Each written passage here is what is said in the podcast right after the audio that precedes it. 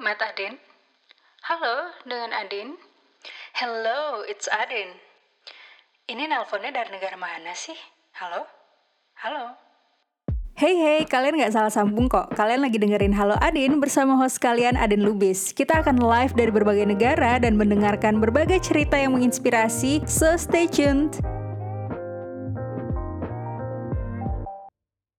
Assalamualaikum warahmatullahi wabarakatuh para pendengar setiap podcast Halo Adin di mana pun kalian berada.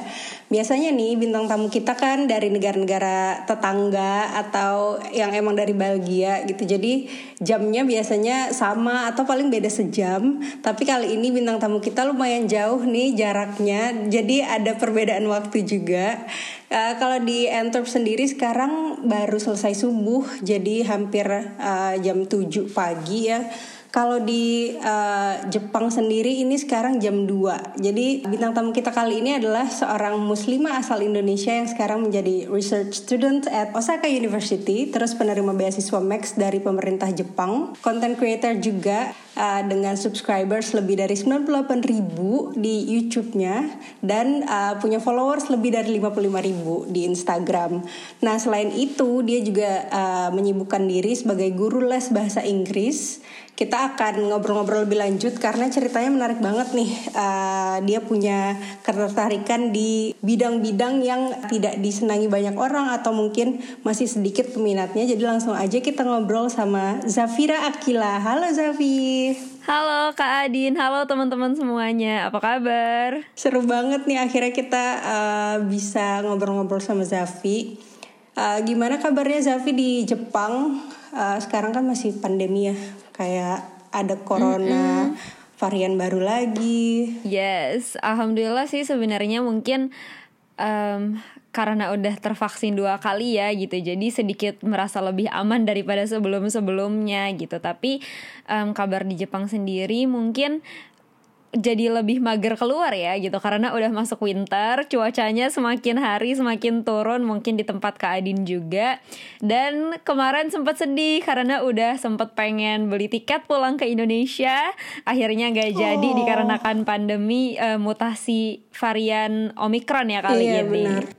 Oh iya sih, itu karena di Jepang sekarang lockdown atau Zafi memutuskan untuk next time aja deh pulang ke Indonesia-nya? Banyak sih, mungkin salah satunya adalah hari karantina yang diperpanjang ya dari tiga hari sekarang kembali iya, lagi iya, jadi 10 hari, hari betul.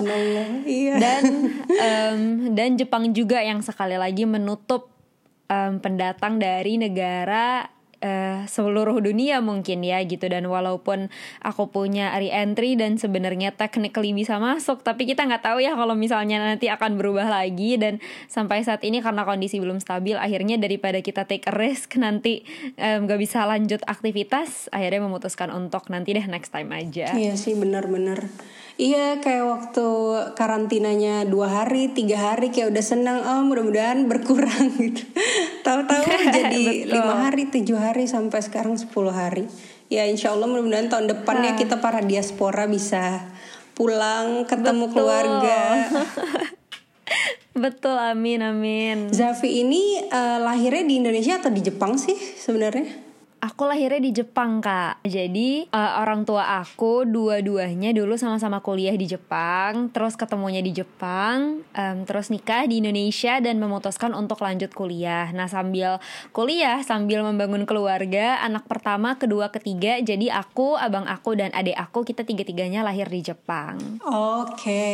Terus uh pengalaman Zafi menjadi third culture kid itu gimana? Mungkin buat teman-teman yang uh, nggak uh, tahu third culture kid, Zafi bisa explain juga sedikit. Oke, okay, jadi terkadang aku juga bingung ya bisa mengkategorikan diri sebagai TCK atau enggak third culture kid. Karena aku di Jepang itu cuma sampai usia 5 tahun pulang ke Indonesia lalu sekarang balik lagi gitu ke Jepang. Jadi mungkin lebih TCK abang aku yang lebih lama gitu. Nah uh, buat teman-teman yang nggak tahu nih TCK adalah anak-anak yang di mana paspor nasionalit nasional uh, apa identitas uh, nasionalnya itu berbeda dengan um, tempat dia tinggal. Mungkin kayak gitu ya bisa kita sebut gitu. Jadi buat kebanyakan adik-adik teman-teman yang lahir di negara orang terus habis itu tinggal lama di situ dan menguasai bahasanya secara lancar um, sehingga terkadang banyak TCK itu tuh ada krisis identitas ya. Nggak tahu aku tuh sebenarnya Iya, bener. orang mana.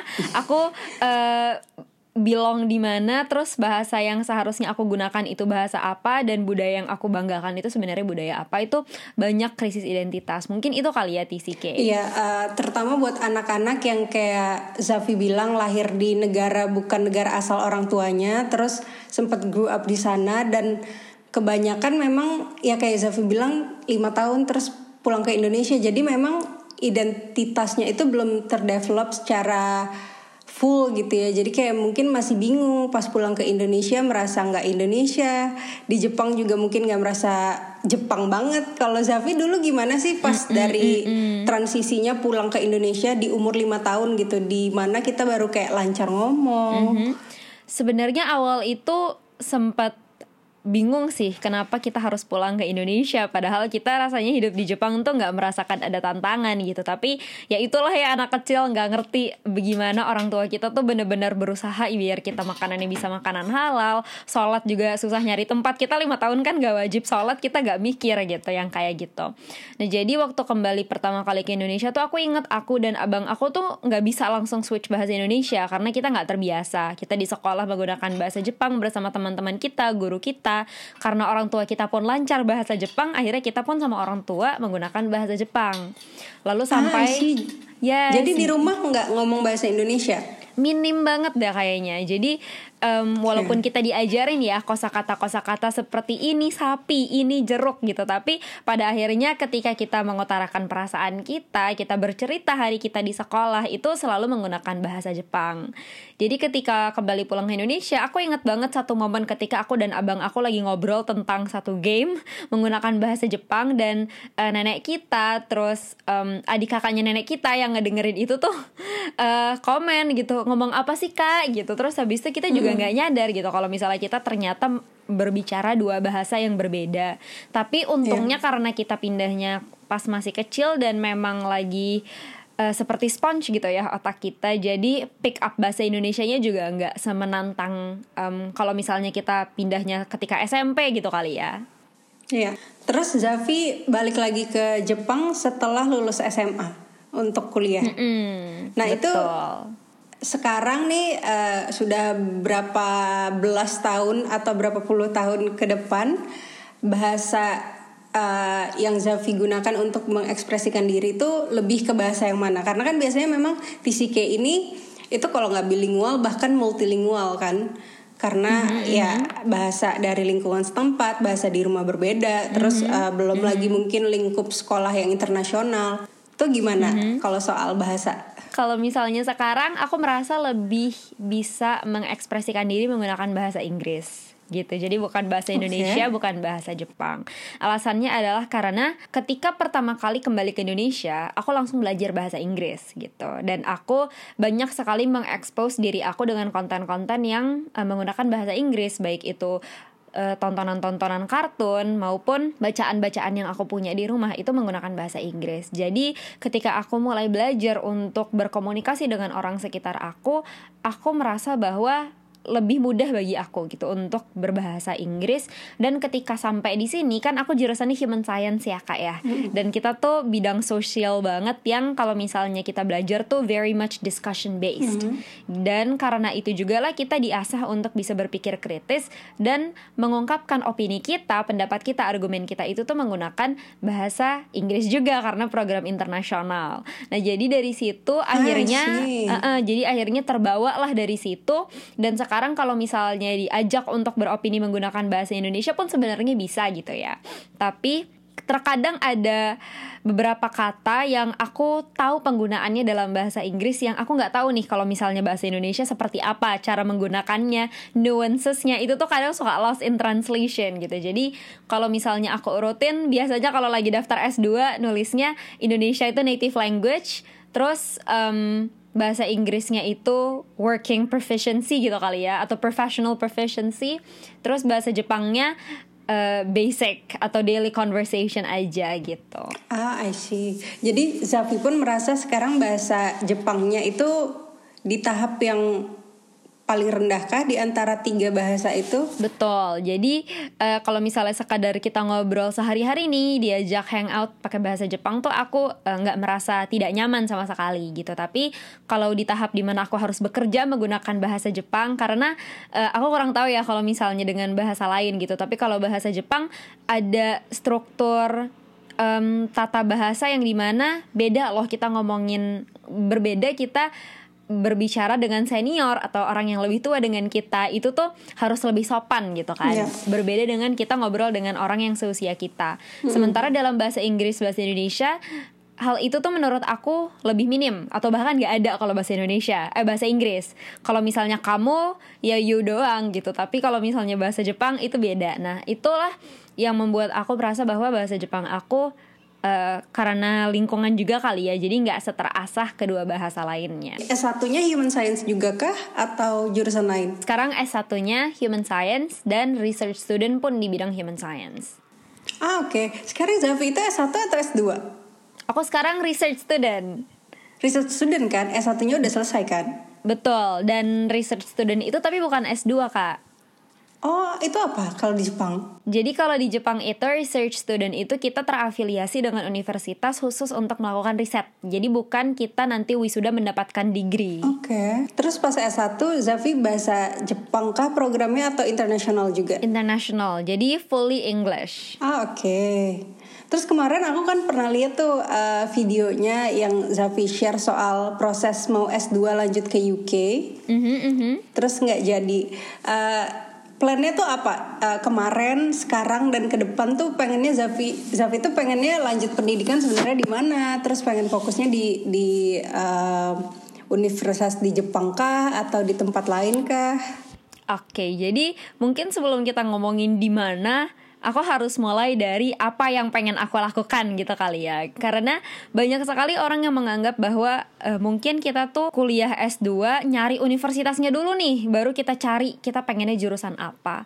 Padahal kalau misalnya yang uh, aku jalanin secara pribadi itu harus mulai dari kita tuh ingin melakukan apa dan riset apa dulu. Baru nyari universitas yang bisa menyediakan resources atau capital yang bisa mendukung interest um, profesional atau yeah. academic goals kita Bener. betul betul betul nah jadi um, pertama yang aku pengen lakukan adalah untuk berusaha mengcreate satu educational platform khusus untuk pendidikan seksual. Dan alasan aku pengen ngambil topik ini adalah karena setelah diteliti lagi di Indonesia, ini masih jadi PR kita banget nih. Walaupun di kurikulum 2013 dikatakan oleh Dinas Pendidikan udah ada, tapi realitanya guru itu juga belum mengerti caranya untuk mengajarkan pendidikan seksual dan materinya pun nggak ada di kurikulum sekolah gitu nggak jelas guideline-nya seperti apa. Nah e, melihat dari itu aku coba nih cari negara apa sih yang udah advance pendidikan seksualnya. Dan memang untuk ini notabene kebanyakan adalah di negara-negara Eropa. UK adalah salah satunya. Nah alasan aku lebih memilih UK daripada negara-negara lain di Eropa adalah karena aku pengen meneliti kurikulum pendidikan seksual untuk Muslim community karena dominannya kan kalau di Indonesia mayoritas orang Muslim ya iya. gitu. Nah jadi uh, melihat itu aku milih UK yang di mana UK itu sudah memiliki satu dialog atau conversation dengan komunitas Muslim di UK untuk bisa mengembangkan satu pendidikan seksual yang culturally sensitive and appropriate gitu. Nah jadi itulah yang akhirnya memutuskan, uh, itulah yang membuat aku memutuskan untuk pengen kuliah di UK. Nah sekarang kan kalau misalnya kita ngomongin tentang education, terus ngembangin satu platform digital solution, berarti kan jurusannya harus digital and technology tuh. Yeah. Nah universitas yang menyediakan jurusan itu tuh juga nggak semuanya gitu dan uh, alasan um, alasan aku memilih untuk daftar di Oxbridge kemarin adalah karena memang itu adalah dua universitas yang menyediakan jurusan tersebut. Dan UCL juga kemarin aku coba daftar yang nantinya aku bakal daftar lagi terus aku nemuin satu universitas lagi Manchester gitu. Tapi um, untuk tahun ini karena aku udah nggak ngehandle skripsi ya kalau kemarin kan aku ngebarengin sama skripsi toh. Mm-hmm. um, karena sekarang aku udah nggak ada tanggung jawab itu lagi akhirnya aku coba untuk memperluas um, opsi aku. Jadi kalau misalnya kemarin very much UK based, sekarang aku coba untuk um, lanjut daftar S2 di negara uh, US juga di beberapa universitas di US dan alasannya adalah karena aku menemukan satu perbedaan antara UK dan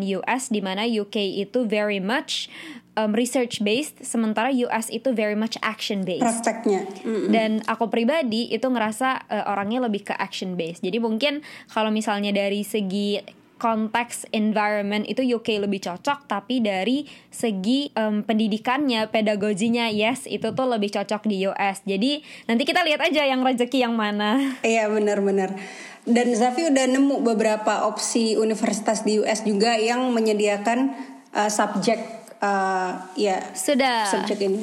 Dan udah satu udah didaftarin terus yang lain lagi on progress. Jadi kalau di US um, aku tetap ngincernya Ivy League sih. Karena itu yang nanti bisa disupport oleh LPDP. Oke, okay, iya. Insya Allah ya kita doain Bismillah. Amin, amin doain ya teman-teman semuanya. Kak Adin juga minta doanya. Iya dan ada yang menarik nih kan Zafi sekarang baru mulai di tahu lebih ya. Kalau teman-teman belum yes. tahu, coba cek Instagramnya @taulebih.id.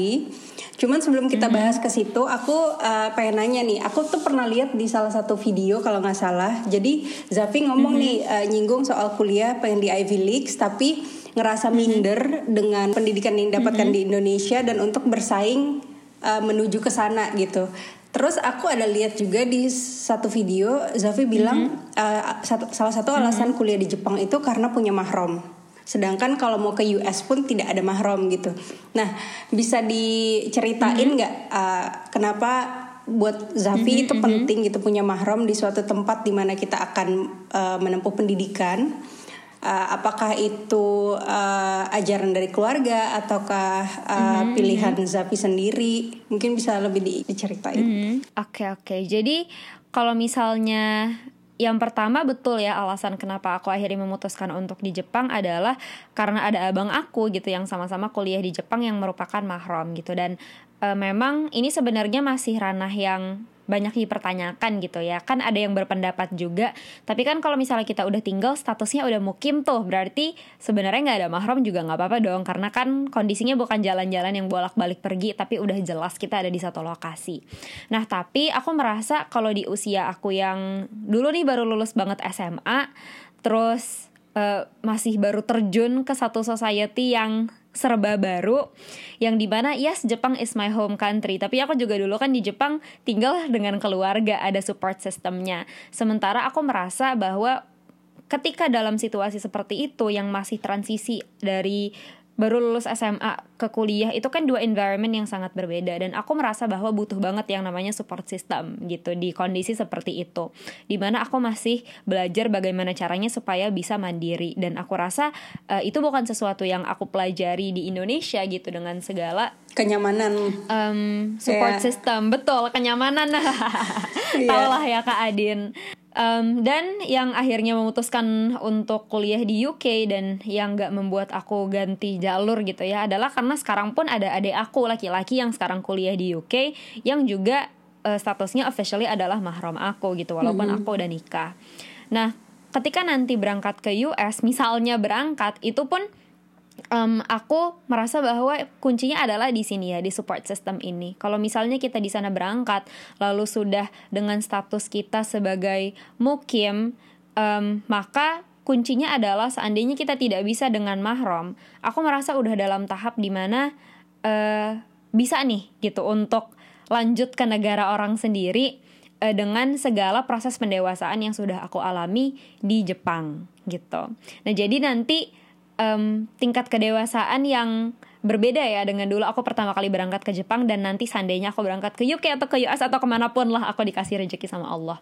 Um, tapi ini juga tidak menutup kesempatan atau sama sekali ini ya tidak membuat aku uh, otomatis langsung bebas aja nih aku ke negara orang tanpa mencari lingkungan yang baik gitu. Karena um, itu juga lah ketika kemarin aku cari universitas gitu terus abis itu cari tempat-tempat yang di mana aku bisa kuliah aku tetap reach out juga gitu ke teman orang tua yang ada di negara-negara tersebut sehingga aku bisa memastikan ada nggak nih komunitas muslim yang di mana aku bisa bergabung ada nggak nih teman-teman perempuan yang nanti aku bisa tetap diajak untuk belajar bareng. Jadi itu sih yang menurut aku penting banget Oh iya benar sih maksudnya poinnya itu Uh, sekarang Zafi sudah di titik dewasa ya bisa dibilang sedangkan kalau dari SMA ke kuliah kan itu usia-usia labil usia-usia di mana kita masih mau coba-coba mm -hmm. ibaratnya sedangkan sekarang apalagi udah menjadi istri mm -hmm. gitu ya kayak udah tahu punya tanggung jawab mm -hmm. sudah tahu bagaimana harus uh, bersikap mm -hmm. di negara baru gitu tapi menarik sih uh, kayak sebelum Zafi memutuskan untuk kuliah di satu tempat bahkan masih proses apply apply gitu ya Zafi sudah reach out ke mm-hmm, orang-orang mm-hmm. uh, ya khususnya komunitas muslim di negara tersebut gitu. Kenapa menurut Zafi agama mm-hmm. itu penting banget apalagi apa ya kayak yang Zafi bilang kita tuh kan butuh support system sedangkan support system terbesar kita terkuat kita tuh adalah keluarga dan kita jauh dari keluarga. Mm-hmm. Jadi mm-hmm. kenapa sih penting untuk punya mm-hmm. support system di komunitas muslim? Ketika kita berada di negara orang? Menurut aku penting karena ada relevansinya dengan konteks kita berislam di negara tersebut yang pastinya berbeda dengan ketika kita berislam di home country kita terutama ketika aku dulu di Indonesia yang di mana semuanya tuh udah serba nyaman aku pengen sholat di mana aja bisa aku juga nggak dibenturkan dengan value-value Islam yang berbeda dengan apa yang diajarkan kepada aku ketika aku kecil tapi ketika datang ke Jepang aku uh, melihat nih bahwa orang juga memiliki kadar toleransi sendiri loh atau kadar keimanan masing-masing ya yang mungkin kalau aku pribadi sebagai orang Islam aku percaya bahwa makan itu tuh benar-benar harus menjaga hal-hal haramnya. Tapi ada teman aku yang sesama muslim dia tidak ber, tidak terlalu memperhatikan. Nah dari situ aja kan pasti ada tuh konflik batin yang loh tapi dia santai aja berarti harusnya iya. begini.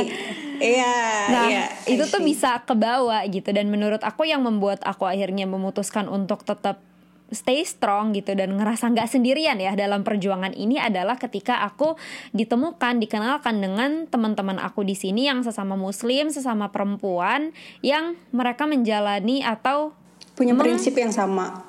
Um, kayak Zafi benar. betul mereka ketemu challenge yang sama dan mereka tetap pengen uh, teguh dalam pendirian mereka dan bukan hanya itu mereka lah yang bisa kita ajak untuk belajar bareng. Dan menurut aku itu penting. Sama kayak kalau misalnya kita lagi mau nugas nih tapi kalau sendirian kita kok rasanya males banget. Tapi kalau misalnya ada teman yang nemenin di perpus kita mau tuh duduk bareng berjam-jam gitu. Dan menurut aku itu penting. Karena itulah menurut aku cari komunitas muslim itu tuh bakal jadi yang nomor satu gitu. Karena komunitas yang bakal mensupport yang menurut aku sangat erat kekeluargaannya itu adalah uh, ya our brothers and sisters gitu. Dan ini aku bilang berdasarkan pengalaman aku di Jepang. Ketika kita pengen pindahan ketika kita uh, butuh bantuan tiba-tiba ada emergency itu tuh yang paling pertama garda terdepan yang bakal ngebantuin kita ya komunitas-komunitas itu gitu. Dan mereka lah yang bakal jadi reminder buat kita kalau misalnya kita juga lagi um, lagi suka kebawa pergaulan di sekitar kita gitu. Iya sih menarik uh, karena Zafi nyinggung soal makanan halal. Tapi itu emang benar banget sih karena kita kayak aku juga ngelihat orang-orang di sini gitu maksudnya muslim tapi misalnya pergi ke satu gerai fast food gitu buat makan ayam aku kayak tapi kan nggak halal gitu terus mereka kayak ya kan Betul. ya kan ayam gitu terus um, selama kita nggak makan pork atau alkohol. Jadi aku tuh pas pertama kali pindah ke sini pun kayak langsung bikin satu konten kayak Muslim in Europe. Karena aku penasaran banget apa sih pandangan hmm. orang terhadap uh, definisi halal? Apakah orang-orang tahu sebenarnya halal hmm. itu apa gitu? Karena ngelihat kita tuh sesama Muslim dan sesama Indonesia tapi kok kok dia chill banget ya? Sedangkan kalau aku tuh sangat takut kalau misalnya perkara makanan halal kan jadi daging dan darah gitu kan dan akan berefek ke akhlak. Betul. jadi aku kayak aduh eh, nggak uh, main-main sih soal makanan gitu. Jadi akhirnya memang secara natural terseleksi juga sih eh, betul, sama betul, teman atau muslim seperti apa yang kita bisa pergi makan bareng atau bisa apa ya deket lah gitu. Betul betul. Dan mungkin aku mau nambahin sih kalau misalnya teman-teman pada bilang tapi kan support system itu nggak cuman teman muslim aja emangnya Bener. kita nggak bisa mm -hmm. berteman dengan orang-orang yang non muslim bisa banget gitu bisa dan banget, aku ya. uh, first hand ngalamin gitu ketika aku Ramadan uh, dan aku di kelas satu-satunya yang berpuasa yeah. ada iya. loh teman-teman aku yang mereka dari negara non muslim mereka orang Jepang mereka orang Amerika tapi mereka nemenin aku puasa gitu karena mm -hmm. mereka teman aku bukan karena mereka pengen um, berpuasa dan itu ada gitu support system yang se sebegitunya peduli banget dengan lifestyle kita. Tapi tetap pada akhirnya ada batas gitu di mana Iya. kita nggak bisa lebaran sama mereka kita nggak bisa uh, re- Sholat mereka nggak bisa relate. nggak bisa sedih Iya, banget iya. gitu. Dan em, kita nggak bisa diskusi hal-hal yang membuat kita sedih tentang apa yang terjadi dengan komunitas muslim, Muslim, di iya. Palestina misalnya seperti itu. Itu tuh nggak bisa relate. Jadi em, pada akhirnya ada satu boundary ya yang kita tuh nggak bisa one step further dari yang kita harapkan tapi kita bisa gitu dengan teman-teman yang muslim Bener sih bener. Oke kita balik lagi nih ke tahu lebih.id. Eh, coba Zafi ceritain apa sih awal mulanya yang membuat Zafi itu pengen membuat tahu lebih plus apa yang menjadi trigger kok bisa sih tertarik sama sex education gitu.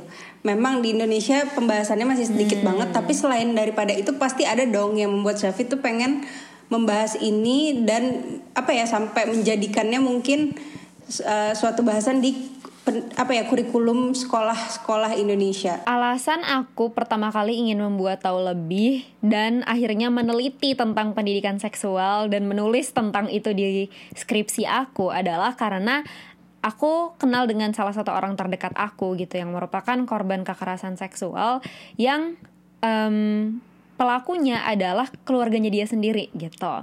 Dan ini sedih banget ya buat aku karena yang pelakunya adalah mahramnya dia sendiri, orang yang dia percaya, yang ngebesarin dia, bisa aja gitu ya. Dan kalau misalnya kita bilang ah nggak mungkin kayak gitu, ternyata anak ini nggak sendirian. Kalau kita baca di berita di Indonesia banyak banget kasus yang kayak gini. Dan aku ngeliat di sini ada tiga hal. Yang pertama adalah pelakunya tentu seharusnya dia tidak melakukan apa yang dia lakukan, tapi dia tidak bisa eh, tidak mengetahui dampaknya secara komprehensif karena gak ada yang pernah ngajarin dia. Itu yang pertama. Yang kedua, ketika em, teman aku ini dilecehkan dan dia cerita curhat ke ibunya dan ibunya malah justru nyalahin anaknya atau malah bilang lagian kalau di rumah pakai bajunya seksi misalnya atau nyalahin dengan bilang em, ya kalau emang dari awal digituin kenapa nggak nolak? Nah itu pertanyaan yang kedua. Nah aku me- melihat bahwa di sini ibunya juga tidak mengerti cara bersikap karena tidak pernah diajarkan juga. Itu yang kedua. Lalu yang ketiga, anaknya pun tidak mengerti cara untuk mengekspresikan dirinya sampai itu sudah akhirnya terlarut-larut sama dia. Dan anak ini juga tidak bisa em, menolak apa yang terjadi kepada dia karena dia pun tidak tahu bahwa dia tuh sebenarnya bisa menolak gitu loh. Karena dia merasa bahwa itu adalah sesuatu yang wajar karena yang menyentuh dia itu tuh cuman ya mahromnya dia mikirnya ya ini boleh lah kan yang megang mahromnya gue sendiri gitu. Bukan orang lain bukan orang sembarangan. Jadi hitungannya bukan pelecehan. Gitu. Jadi ada tiga. Pelakunya tidak dididik sehingga dia melakukan hal itu. Ibunya tidak ibunya tidak dididik sehingga eh, responnya pun menyakiti dan anaknya pun tidak dididik sehingga dia tidak tahu caranya untuk melindungi diri sendiri. Dan itulah menurut aku kuncinya. Semuanya sama-sama nggak dididik. Jadi em, dari satu masalah aja yang semuanya tidak dididik, akhirnya hasilnya itu satu generasi yang berlarut-larut tidak akan bisa secara sistemis meng-overcome isu pelecehan atau kekerasan seksual karena nggak ada yang tahu cara solve-nya itu gimana. Dan itulah eh, kalau misalnya pemerintah memiliki kewajiban untuk membuat undang-undang misalnya, aku rasa ada dua. Yang satu adalah undang-undang untuk menindaki yang sudah terjadi dan sisi lainnya adalah pendidikan untuk menjadi tindak preventif sehingga ini tidak terjadi in the first place. Dan itu idealistis banget aku tahu. Tapi menurut aku itu bisa loh kita usahakan. Nah, akhirnya aku berusaha untuk menyusun satu kurikulum ini dan aku mikir kalau misalnya aku nunggu sampai aku lulus S2 terus S3 baru aku keluarin kurikulum ini, berapa banyak lagi sih orang di lingkungan kita yang nggak ketolong? Istilahnya kayak gitu. Berapa banyak orang di sekitar kita yang sebenarnya bisa kita ajarin tapi kita memutuskan untuk tidak melakukan itu karena kita nunggu 100% ready. Which menurut aku nothing is ever going to be 100% perfect gitu loh. Tapi we have to start somewhere. Jadinya akhirnya sambil ngembangin yang nanti officially harapannya bisa di launch suatu hari nanti, aku sekalian untuk menggunakan satu platform yang we all know how to use which is Instagram. Dan melalui Instagram itulah aku up konten-konten dari yang selama ini udah aku riset dan aku coba untuk serelevan mungkin dengan apa yang terjadi sekarang. Jadi kalau misalnya di Indonesia kemarin baru viral ya tentang Novi um, dan dengan pelakunya yang sekarang udah ditindak pidana nah itu aku coba uh, sambungin gitu dengan konten-konten yang aku up di taulebih.id dan aku suka banget dengan ini dan aku nggak menyesal melakukan ini karena aku belajar dari feedback teman-teman. Gitu karena aku cuman bisa membuat konten dari apa yang aku tahu tapi aku sekarang pun nggak di Indonesia yang mengetahui apa yang terjadi di Indonesia adalah teman-teman semuanya yang memang ada di sana, yang ada di lapangan. Jadi aku bisa mendapatkan feedback langsung dari teman-teman semua dan aku bisa mendengar kisah langsung dari orang-orang lain dan enggak terbatas dari pengalaman aku doang. Itu sih Kak. Menurut Zafi kan uh, Zafi ada bilang nih kalau sebenarnya pembahasan soal uh, seksualitas itu bukan sesuatu yang tabu kan?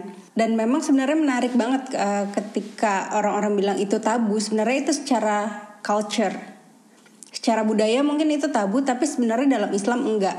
Dan kayak yang Zafi bilang tadi kalau kita nunggu 100% ya nggak akan mungkin gitu. Sama kayak kita misalnya menyebarkan soal Islam ya kalau kita nggak lulusan uh, pendidikan agama atau apa masa kita nggak boleh sih ngomongin soal agama gitu? Dan kapan dong kita bisa sharing ilmu kita yang sedikit kalau kita nunggu sampai harus misalnya titelnya gimana gimana gitu kan? Uh, sejauh ini feedback dari teman-teman di Indonesia ataupun mungkin komunitas Muslim internasional karena kan Zafi share-nya dalam dua bahasa ya ada bahasa Inggris juga itu tanggapan mereka gimana? Terus apakah ada sejauh ini yang mungkin curhat gitu? Kalau mereka emang pernah mengalami seperti itu atau mungkin orang tua yang merasa bingung gitu gimana sih caranya harus harus menjelaskan ke anak-anak gitu soal ya seks gitu? Kalau misalnya feedback lumayan sih gitu. Jadi kan setiap konten aku bacain tuh komennya satu-satu.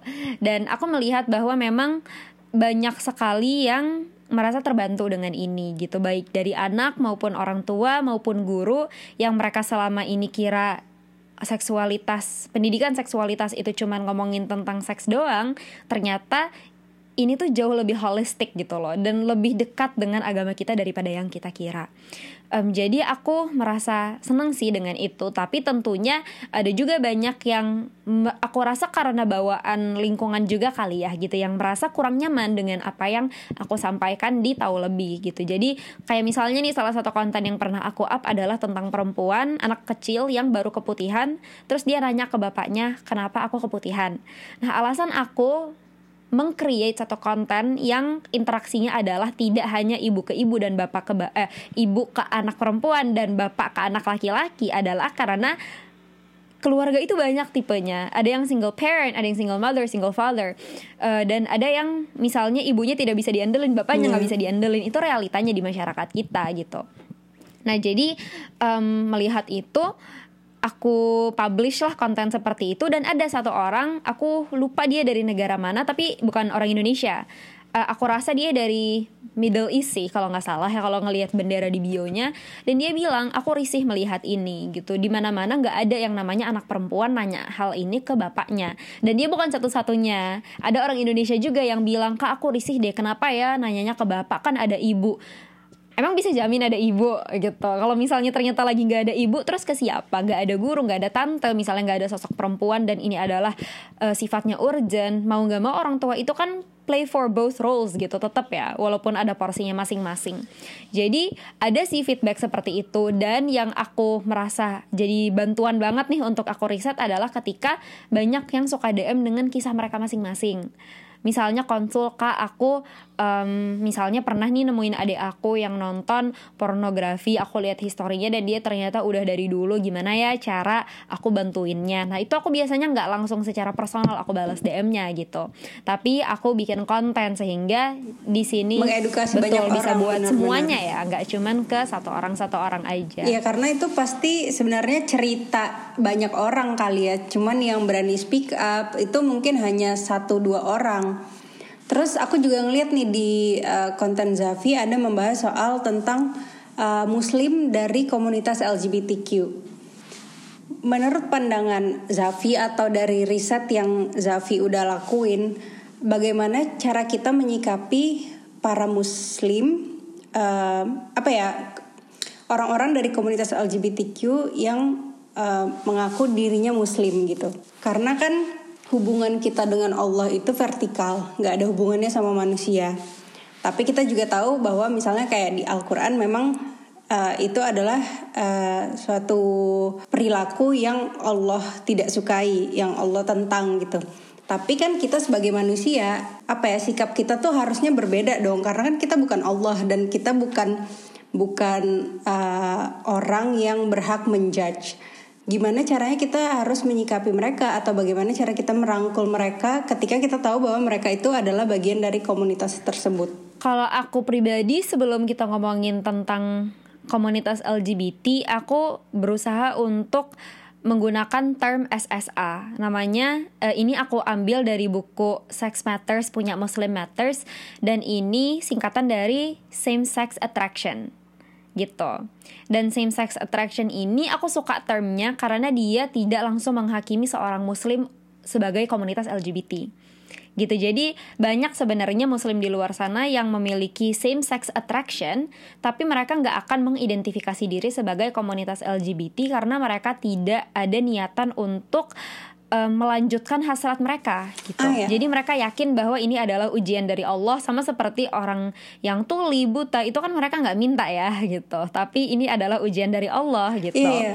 Eh, aku mau nyinggung dikit sih Kak, uh, karena aku juga mm -hmm. juga baru dengar nih soal SSA. Sebenarnya itu benar banget mm -hmm. sih menurut aku semua orang sebenarnya bisa aja punya ketertarikan terhadap sesama jenis gitu. Ya kalau orang coba-coba tiba-tiba bisa aja jadi suka yes, misalnya. Yes. Dan bener kayak Zafi bilang mungkin itu emang ujian dari Allah mm -hmm, tapi mm -hmm. bagaimana dia me, apa ya menghadapi cobaan itu apakah dia melanjutkan hasratnya atau dia meng, apa ya, membungkam perasaan itu betul, coba betul. Zafi lanjutin lagi tapi aku juga pengen menyinggung di uh, apa ya orang-orang yang emang beneran ada di komunitas LGBTQ sendiri tapi yang juga memang dia masih tetap sholat. Karena aku juga pernah uh, lihat uh, ada orang di Belgia jadi waktu itu kita uh, lagi pengajian.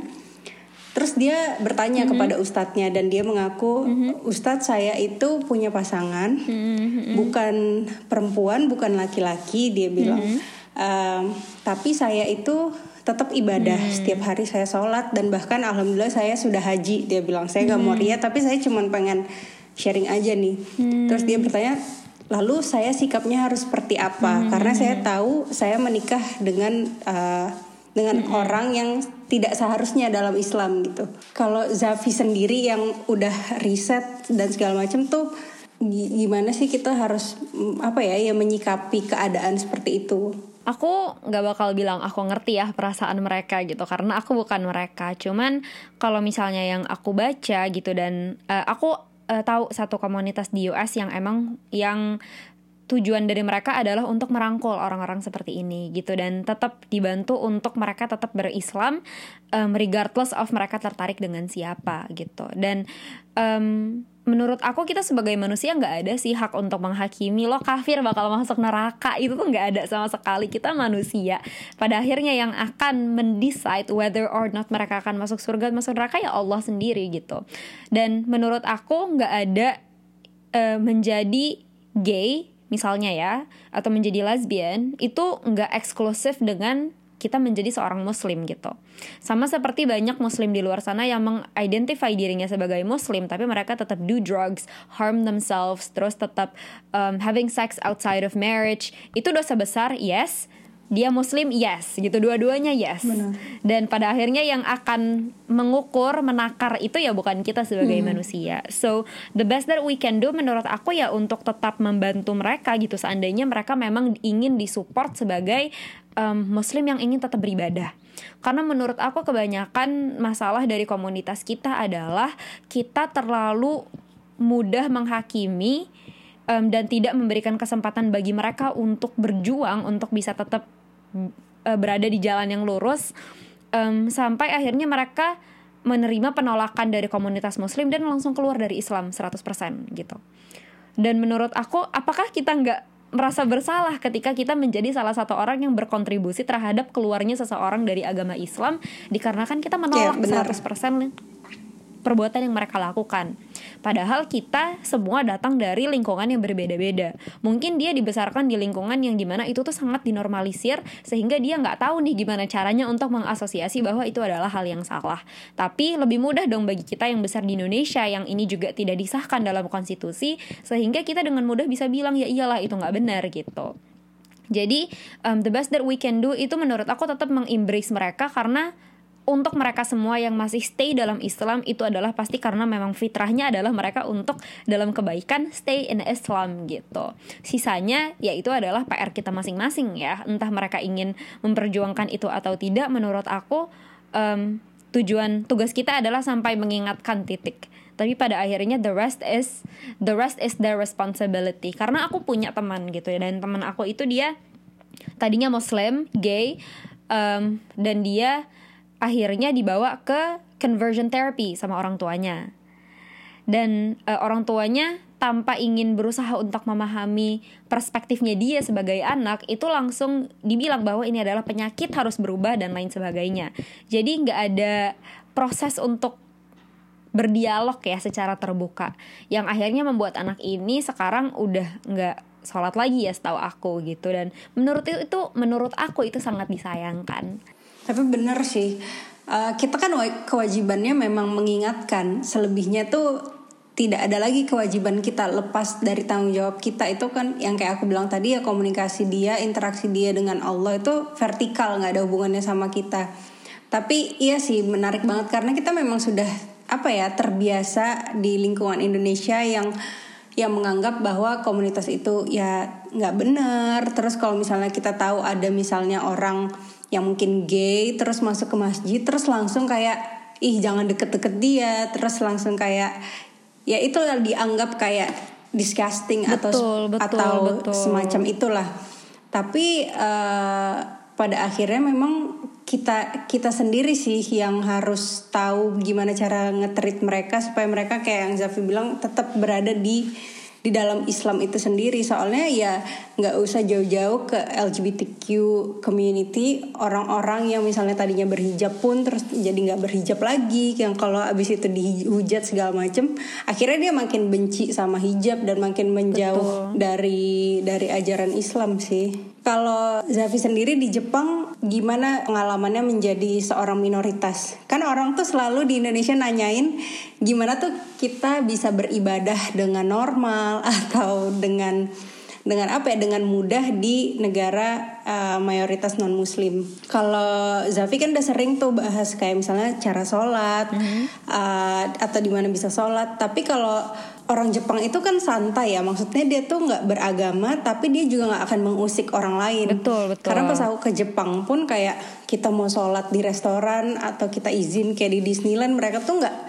ya sok-sok aja gitu. Mereka bahkan nggak akan ngeliatin betul. gitu. sedangkan kalau di Eropa tuh beda banget. Di sini udah orang nggak beragama tapi dia tuh mau mengusik agama orang lain gitu. Kayak anti banget lah sama agama ibaratnya. Betul betul. Kalau Zafi sendiri misalnya kayak di institusi pendidikan ya kayak di universitas atau di tempat-tempat umum eh, bagaimana Zafi mempertahankan identitas muslimnya atau bagaimana cara menjelaskannya ke orang-orang yang nggak paham soal Islam Sebenarnya alhamdulillah sih karena aku kuliah di salah satu universitas em, imperial di Jepang yang berarti ini tuh universitasnya udah ada dari zaman dulu banget dari zaman Jepang masih menjajah Indonesia kali ya. Em, sehingga mereka tuh udah lebih eh, matang gitu dari segi resources untuk menerima mahasiswa internasional. Jadi eh, maksud aku matang tuh gimana? Maksudnya di kantin pun mereka ada menu makanan halal. Terus mereka di setiap kampus di Osaka University kan total ada tiga kampus. Itu tiga-tiganya ada musolanya. Gitu. Jadi em, sangat diayomi gitu dari pihak eh, universitas. Jadi kalau misalnya ditanya aku mau sholat gimana, aku sholat ke musola. Kalau misalnya buka bersama, aku ke musola. Mau teraweh juga aku di musola. Suami aku sholat Jumat juga di musola. Jadi em, alhamdulillah itu kita nggak menjadi halangan sih. Tapi tentu ada momen-momen di di mana kita waktu sholat biasanya yang berbentrok gitu kan. Terutama kita tinggal di negara yang empat musim kan waktu sholatnya berubah-berubah tuh. Kadang kadang kepotong kelas dan lain sebagainya. Itu uh, mungkin karena aku di program internasional dengan dosen yang datang dari berbagai negara jadinya lebih mudah kali ya mengkomunikasikan itu kepada mereka.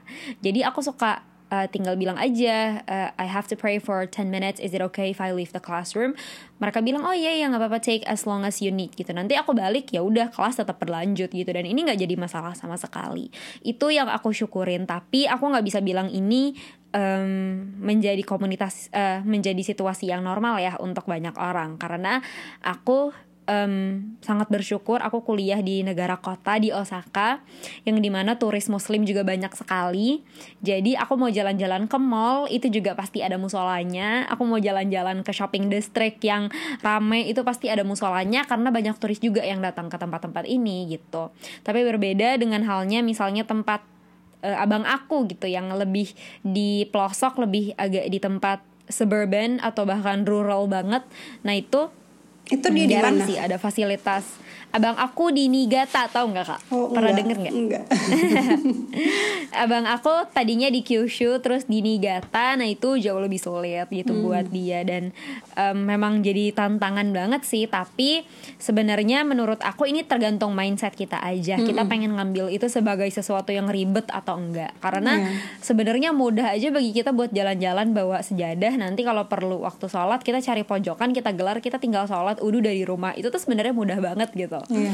Apalagi buat cowok gitu Emang ya yang nggak ribet eh, betul. perkara wudhu. betul betul. Nah jadi uh, nggak sebenarnya ini benar-benar tergantung mindset karena aku uh, kemarin sempat ngobrol gitu dengan salah satu teman suami aku yang bilang bahwa dosen aku tuh suka sama suami aku karena suami aku kalau sholat nggak dibawa ribet gitu jadi tinggal udu-udu sendiri terus salat-salat sendiri nggak menyusahkan siapa-siapa dan nggak komplain ke siapa-siapa. Berbeda yeah. dengan um, beberapa mahasiswa yang dosen aku dosen suami aku punya yang mereka tuh melakukan itu semua tuh sambil ngedumel gitu. Yeah. yang akhirnya membuat mereka juga tapi ya kita mau gimana? Kamu di negara orang ini bukan negara kamu gitu. Bener sih. Emang balik lagi ke niat ya dan kalau kita Betul. emang niatnya mau ibadah pasti ada aja sih jalannya dan nggak susah. Bener sih Pertanyaan terakhir betul, nih betul. buat Zafi, kalau pas okay. uh, eh, Idul, misalnya Idul Fitri, Idul Adha itu kan mm -hmm. emang hari yang sakral banget buat kita. Kalau Mas yes. pas misalnya bentrokan sama ada kelas di mm -hmm. di kampus, itu Zafi mm -hmm. gimana? Karena kalau di sini itu biasanya kadarullah ya orang-orang tuh uh, ya kita kalau misalnya pas lagi Idul Adha, Idul Fitri, entah kenapa bentrokannya selalu sama hari ujian dan itu hmm. tidak ada keringanan sama sekali. Jadi banyak hmm. banget mahasiswa ya yang mau nggak mau jadi tidak bisa sholat gara-gara ya ujian hmm. kalau nggak ujian nggak lulus gitu ibaratnya emang beneran hmm. hmm, hmm. pilihannya sangat berat gitu kalau di Jepang sendiri hmm. di kampus Davi gimana? Menurut aku, alhamdulillahnya lagi sekolah aku sangat toleran sih kalau dalam hal itu gitu dan mungkin ini karena dibantu dengan KJRI atau KBRI kita kali ya.